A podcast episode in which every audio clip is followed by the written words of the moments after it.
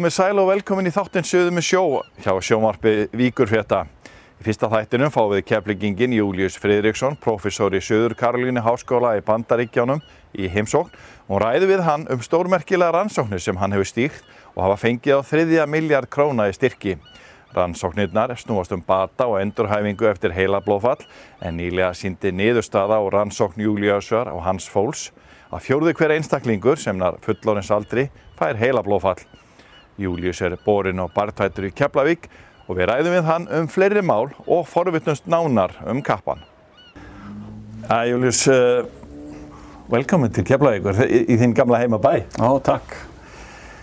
Þú ert að vinna sem professor í, við Suður Karolínu Háskóla og ert í hansi merkilegum uh, málum þar að rannsaka endurhæfingu eftir heila blóðfall. Já. Þetta er hansi mikið. Hvað getur þú sagt okkur frá þessu? Ég er búinn að vera á doldin tíma í þessu. Við erum fyrst og fremst að rannsaka bata eftir heila blóðfall. Heila blóðfall er mjög algengt bara um allan heim. Um 25% allara sem lifa, sem að ná fullum aldri fá heila blóðfall. Þannig að ein, einna hverjum fjórum og heila blóðfall er aðal ástæða fyrir föllun hjá fullorðum fólki og við erum að sjá við get, hvað við getum gert til þess að bæta bata þeirra sem fá heila blóðfall hvað getum við gert til þess að svo heilin taki vel við sér og já, svo fólk nái sem lengst eftir heila skemmtir að völdum heilablóðfars. Og ég spurði út í það, uh, hvernig þið vinnið í því, er, mér hefist þetta óvanalega hátt tala sem þú nefnir að einna hverjum fjórum Já. á lífsleiðinni skuli uh, eigi eftir að fá heilablóðfall. Já, þetta er rannsók sem kom bara út núna fyrir tveim viku síðan sem var gefinn út í einu virtasta læknatímariti heimi, New England Journal of Medicine og þetta var svo mikið mál vegna þess að þetta er miklu hærri tala heldur um það heldum þetta væri. Í sumum, í sumum stöðum í heiminum er þetta alveg upp í 33% og í öðrum, ég held að það sé aðal í Asíu en síðan til dæmis fyrir eh, sunnan Sahara í Afriku þá er þetta niður í kannski 16% en hérna er þetta á Norðurlöndunum til dæmis, ég man nú rétt, um 25%. Þannig að ef þú þekkir, ef þú þekkir 20 manns þá eru 5 að þeim að fá heila blóðfall eða þeir lifa fulla lífstíð sko. Er, er ykkur, hver eru helstu ástæður þess að, að það gerist? Það er heila tvennt. Það eru, þetta er genatengt. Það eru suma fjölskyldur sem eru mjög munlíklegri til þess að fá heila blóðfall heldur en aðrar. En síðan er þetta bara vola mikið lífstíl. Ef þú ert að reykja, þú ert ofþungur og ert ekki að æfa þig, þá aukast líkunar tölvört mikið. Reykingar eru náttúrulega bara mjög slæmt mál. Fólk hefur alltaf verið að hugsa um krabbamein sem er náttúrulega, þú ætti náttúrulega ekki að reykja en, en krabbamein, jú, þá fær það miklu líklegri til þess að fá krabbamein en þú ert náttúrulega að fá æðasjúkdóma mun meira og þá er heila blóðfall eitthvað sem kemur beint inn í það. Þannig að, já, ef þú lí og þú eru bara að reyna að lifa góðu lífi til þess að reyna að fá, reyna að fá ekki hjartáfall eða heila blóðfall sem er mjög tengt sko. Þannig að fyrirbyggjandi aðgerðir væri vissulega eitthvað í þessu líka? Eða? Já, mjög svo. Ég meina, eins og ég segi, ég meina að reyna að halda þær í góðu formi og borða vel, borða rétt að matinn. Það er náttúrulega hefur gífilega mikið áhrif sko. En við hérna Íslandingar, ég held að við séum frekar helbrið sko, en samt erum við að, erum við að fá svona, er, tíðinni heila blóðfars hérna þetta há sko. Og þú ert að rannsaka sagt, endurhæminguna eftir heila blóðfall. Uh, segðu okkur frá hvað er, sagt, verður fólk í rauninni afleiðingar þegar eru það alvarlegar? Ert, þið eru að vinna í því. Sagt, hvernig hægt er að ná sem bestum árangri eftir heila blóðfall? Eftir úrbúna að fæ heila blóðfall, þá er náttúrulega, þetta er, er náttúrulega heila skemmt var heila skemmt og við erum fyrst og fremst að, að einblýna á fólk sem hefur fengið skemmtir vinstra megin í heilanum. Og það er þá fyrst þessar tal- og málstöðar, það er svona doldið sem við rannsókum mikið, fólk sem er missir málið á í erfiðleikum með skilning og erfiðleikum kannski með að lesa og skrifa.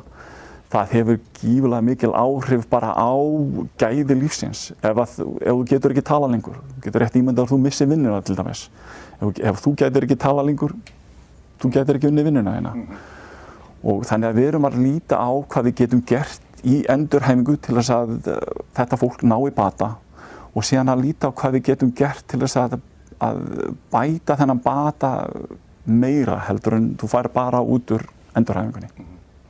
Og hvernig á, á hverju byggjast þessa rannsóknir þínar? Við erum alltaf með margt alltaf í deglunni sko, en nýlega vorum við að klára stóra rannsókn, þar sem við erum að líta á sko bara, við hleypum bara ramags, hérna, svona lágum ströym á heila vefinn sko og það hefur sínt uh, mjög góða niðurstöður, látum mjög, það er bara 1 milliampere eða 2 milliampere sem við erum að setja á bara ströym á heilan og það hefur virkilega góðar, góð áhrif á uh, hvernig heilin getur bætt sig eftir heila skemmtir. Og vorum að gefa út rannsókn núna í sumar sem að lofa mjög góðu í sambandi við bætingu á, á endurhæfingu og við erum að halda þeim rannsóknum áfram og ég held að það sé bara, það fyrir okkur hefur verið mjög spennandi. Vegna þess að fyrir suma sjúklingarna voru við kannski að tvöfaldabata bara með því að nota þetta ramag sko. Þannig að eru þeir þá engöngu í þessu eða eru þeir í einhver annars konar endurhæfingu með?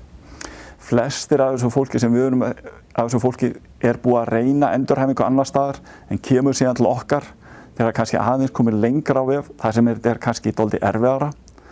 Og við erum að sína fólk til dæmis þrejum, fjórum, allt upp í tíu ár eftir heilablófall getur ennþá náð mjög góðum framförum. Og þá sérstaklega við erum að nota þessa, þessa ramagsörfun sko þú ert að ná í eitthvað í heilan, þú veist, þú ert ekki að vinna á skemmtunum, þú getur ekki unni á þeim eða eitthvað. Nei. Þú, hvað, hvað ert að gera? Hvernig, að- hvernig lýsir þessu? Já, sko, þú fær heila skemmt og það er ekkert sem þú getur gert til þess að, að fylla það aftur upp. Það sem við erum að gera er að fá restin af heilanum til þess að ná eins miklum bata og hægt er. Þannig að þú missir einhverja getu eftir heila skemmtina vegna þess að þær heila stöðar sem voru skattaðar það er náttúrulega sá um, kannski fyrir marga okkar sjúklinga um að tala og skilja. Við erum að fá restina heilanum til þess að breytast og, og vaksa svo að þú getur ná sem bestum bata. Július, eh, þú hefur verið að fá og þið eh, mikla fjárstyrki til þess að vinna þessa rannsóknir. Hvað, og við erum að tala um stóra tölu þar. Hvernig, hvernig, okkur, hvernig hefur það gerst? Við sækjum alltaf um styrki til helbriðstofnuna bandaríkjana. Þetta eru dýrarannsóknir. Þú þarft að ráða mikið af fólki og það kostar mikið pening. Við tökum alltaf segulómmyndir af öllum sjúklingunum og til þess að líta á hvernig heilin er að breytast og það kostar tölvöld mikið pening. Þannig við sækjum um og það eru svona um 10% af þeim sem sækja um sem fá þessa styrki og síðast í stóri styrkurinn okkar var um rúmar 11 miljónir bandaríkjadólara og þessi styrkur sem við vorum að klára í sambandi við uh, ramagsörfununa, hann var um tæpar 5 miljónir. Í gegnum árin höfum við fengið held ég um 23 miljónir bandaríkjadólara frá 2001. En þetta fer volað mikið í laun til dæmis. Þannig að þú þart volað mikið, þú þart mikið af fólki til þess að standa á svona stóra rannsóknum. En þetta eru stórir styrkir og mikil barátt að fá þetta og þetta er náttúrulega, já, þetta er gott mál þegar þú færir þessar stóru styrki en þar að leiðandi þar til náttúrulega kemur þar mikil vinna en þetta gefur rosalega mikið af sér. Ekki bara náttúrulega fyrir rannsóknar, þetta bara fyrir mig persónulega líka sko. Að geta fundið um eitthvað nýtt sem að getur hjálpa fólki og já, þetta er mjög gefandi en kostar mikið pening. En þetta er þegar þú dreifir þess að marga, þetta er alltaf, þetta kostar mikið að borga læknum og Og á mörgum árum. Já, yfir mörg ár en, en við erum með mjög, þessi stóri styrkur sem við erum með núna sko, hann er hjá okkur og síðan við fjóra aðra háskóla og við þurfum að borga fólki við þessa háskóla, þessi háskóla sjúkrahús líka sko. Við erum til þess að með hérna Johns Hopkins háskólanum í Baltimore sem er einn af virtustu háskólum bara í heimi í, læknavísundum. Ég meina við þurfum að borga fólki þar tölvaran pening en þetta gerist ekki nefnum sér tilbúin að borga fólki. Ég meina það verður allir að geta stundavinnuna sína og þannig bara Hvernig fara þessar rannsóknir fram svona, hvað getur þú sagt í stuttum máli? Getur þú útskilt það fyrir okkur? Já, við fáum náttúrulega bara lækna til þess að þeir vita hvaða sjúklingar eru að þurfa á svona meðferð að halda og við fáum þessar sjúklingar sem koma til okkar í greiningu og síðan fara þeir í endurhæfingu og við lítum náttúrulega á, eins og ég var að segja áður, þessa heila myndir, hvernig, hvernig formið er heilinni á þeir í núna og síðan fara þeir í endurhæfingu og við erum annarkvort að nota þessa heila örfun eða eitthvað annað. Og uh, þetta eru bara fólk sem er að vinna við þessum sjúklingum og síðan lítum við bara á hverjar eru niðurstöðunar strax þú ert búið með rendurhæfingarna og kannski sex mánuð og eitt ár fram í tíman þannig að stór hluti af því sem við gerum er að líta á hverjir ná bata og hverjir ná ekki bata. Það er, alveg, það er mjög einstaklinginsbundið það vilja allir fá að vita þegar ég mæta á sjúkarhásið hvar verð ég eftir þrjá mánu, hvar verð ég eftir ár get ég farið eftir í vinnu, þar ég að fara á á, verði ég hérna bara það sem eftir ræfinar. Þannig að við höfum verið mikið að rannsaka það líka. Bara hver, hverjar eru horfur um framtíða bata. Þannig að þetta eru rannsóknir sem við erum mikið að vinna bara með sjúklingum í greiningu og, já, og taka þessa heila myndir. Hvað hefur þetta staðið yfir langa tíma þessa, þessa rannsóknir? Ég hef náttúrulega búin að vera með fullt af rannsóknum í gangi. Ég byrja fyrst á þessu 2002 en síðan hefur þetta alltaf svona unduð upp á sig. Í dag er þetta náttúrulega Ég byrja hérna einn bara með eitthvað þrjá nefnendur og í dag er ég með eitthvað rúm 50 manns á minni stofu sko. Þannig að þetta hefur bara undið upp á sig yfir árin sko. Mm -hmm. og alltaf eitthvað nýtt í gangi. Hvað eins og í þessari rannsók, hvað er þetta margi sjúklingar sem þið, þið fáið með ykkur í þetta dæmi og hvernig, hvernig, hefur svo, hvernig hefur þetta gengið? Þetta hefur gengið vonum framar. Þetta er, þetta er volað mikið byggist upp á því að sjúklingarnir séu tilbúinir að taka þátt í þessum rannsóknum og það, já, það gengur bara vel vegna þess að um, þeir fá fría þjónustu sem að, þú veist, í bandaríkjónum er ekki, það er ekki hlaupið að því en vegna þess að þetta er rannsók þá fáið það allt frít en þetta er náttúrulega hundru sjúklinga yfir árin, sko. Þetta tekst bara á því að fá nógu marga sjúklinga og að vera þólumóður, sko. En uh, þú, vorust að nefna við okkur hérna á hann að þetta sé líka genatengt þessi, þessi heila blóðfall. Já, veistu að fyrir svona 6-7 árum hefði ég aldrei gert með grein fyrir því að ég var eitthvað að fara út í eitthvað að gena rannsóknir. En meirins að þessi rannsók sem vorum að klára í sambandi við að hleypa þessum, þessum hérna, láströym á heilan, að það er gena tengt hver tekur við sér í sambandi við þennan láströym. Þannig að genin hafa alveg rosalega mikið með allt að gera sko. Þannig ég er alltaf að reyna að hvetja fólk að fara í genaransóni fyrirfram og sjá hvað er, í hvaða áhættu hópum ert þú. Ég meina, getur þú gert eitthvað núna til þess að, til dæmis, uh, kannski spyrna á móti elliglöpum. Þú getur séð það nokkuð vel út í dag. Og gena, genaransóni koma bara inn í allt í dag. Er talsvægt um þær? Já, það er alltaf að gerast meira og meira og eins og ég segi, við vorum að gefa út grein sem að bara í sambandi við það er vist gen sem að eh, eiginlega segir til um, það er viss prótín sem verður að fara í gang þegar þú ert að, þegar heilin er að bæta sig og það er viss gen sem eiginlega segir til um hvað þú, mikið af þessu prótíni er í heilanum. Þannig að við getum séð bara ef þú ert með þetta gen eða breytingu af þessu geni, þá getum við eiginlega séð fram með nokkuð góðum, já, með nokkuð góðum niðurstöfum hver tekur vissar og hver tekur ekki vissar. Hvernig er staða núna? Sér þau fyrir þér að þetta verði góð lækning í, í hvaða stöðu eru þið með rannsóknirnar hvernig er, er, er fólk að fara að koma til ykkur og segja við viljum fá að vera með í þessu veist, það er náttúrulega vilja allir fá lækningu hvernig, hvernig er staðan á því? Já, það er erfiðast að er að þegar út fær til það stóra heilaskemd þú, þú, aldrei, meina, þú verður aldrei samar aftur því miður ef þú fær litla heilaskemd, jú, þú gæti kannski náð miklum bata og kannski fara aftur að vinna. En ef þú fær stóra heilaskemmt sem er mikið af þessum sjúklingum sem við erum eiga við það er náttúrulega eitthvað sem að vera bara að gera fólki grein fyrir, þú getur bættið mikið en þú ferð ekki aftur að kenna þú ferð ekki aftur að vinna sem lögreglamaður þannig að þú verður eiginlega að reyna að auðlast nýtt líf innan þeirra anmarka sem hafa verið sett á þig út af þessari heilaskemmt og það er, það er ekki létt. Og eh, en þú getur náðið mikið Þú getur kannski, ég meina, að geta tjáðið við fjölskyldunum og sagt þeim kannski rætt við bestu vinina. Það getur gert, gert gæfið munin bara í sambandi við gæfið lífsins. Hvernig er framtíðin í þessu? Býður eftir því að fá stimpil frá heilbríðistofnum bandarengurum að þetta sé, já, þeir séu búin að viðkenna þetta sem lækningaraðferð? Eða meðferð? Hvað? Já, sem, sem meðferð. Við að, þurfum að fara í aðra rannsókn. Þetta er rosalega langt ferli. Við byrjum fyrst á þessu 2008 Við erum fyrst að fá stóru niðurstöðuna núna 2018, þurfum að fara í aðra rannsók til þess að fá loksinsstimpilinn og eftir það, ef við fáum þann stimpur sem ég vonast til að gerist, þá held ég að þetta verði bara notað af öllum, allstaðar í endurhefingu, sem er náttúrulega bara frábært mál. Og uh, tengist Íslandi eitthvað inn í þetta? Ertu með eitthvað íslenska nefnendur hjá þér? Eða? Já, ég hef búin að vera með íslenska nefnendur núna í sex ár, alltaf góði nefnendur sko. Þeir, eins og við íslendingarnir eru, við erum alltaf áræðinir, þannig ég er alltaf ákvæður í að fá, að fá, fá nefnendur hérna heima sko. Þetta eru krakkar sem eru duglegir og náttúrulega fyrir mig, ég get alltaf talað íslensku við þá. Heldur íslenskunni við? Ég held íslenskunni við, ég er náttúrulega alltaf í góðu sambandi hérna heim við fjölskyldunum mína, ég er náttúrulega einn án úti er alltaf að ræða náttúrulega við mamma og pappa og sískinni mín og vini hérna mm. en náttúrulega geta að rætta þarna málin á hverjum einasta degi við mína nefndur er frábært. Mm. Svo það er náttúrulega komað að því að spyrja, hvernig stóða því, hvernig lág leiðin til, til bandaríkjana? Þú ert keflingingur og, og, og hérna fórst hérna venjulega skólagöngu hér, segðu hvernig svo því? Já, ég var í fjölbrudd og ég var nú að segja þetta eins og þér, ég var nú ekkert virkilega að taka á skólabókunum í fjölbrudd sko, ég var volað mikið í körfunni og var alltaf að leika með bara, lifa hennu ljúa lífi svona með mínum vinnum og ég kláraði student og fór séðan í háskólan í bænum, í Háskóla Íslands fór í viðskiptafræði bara einhverjir rælni sko.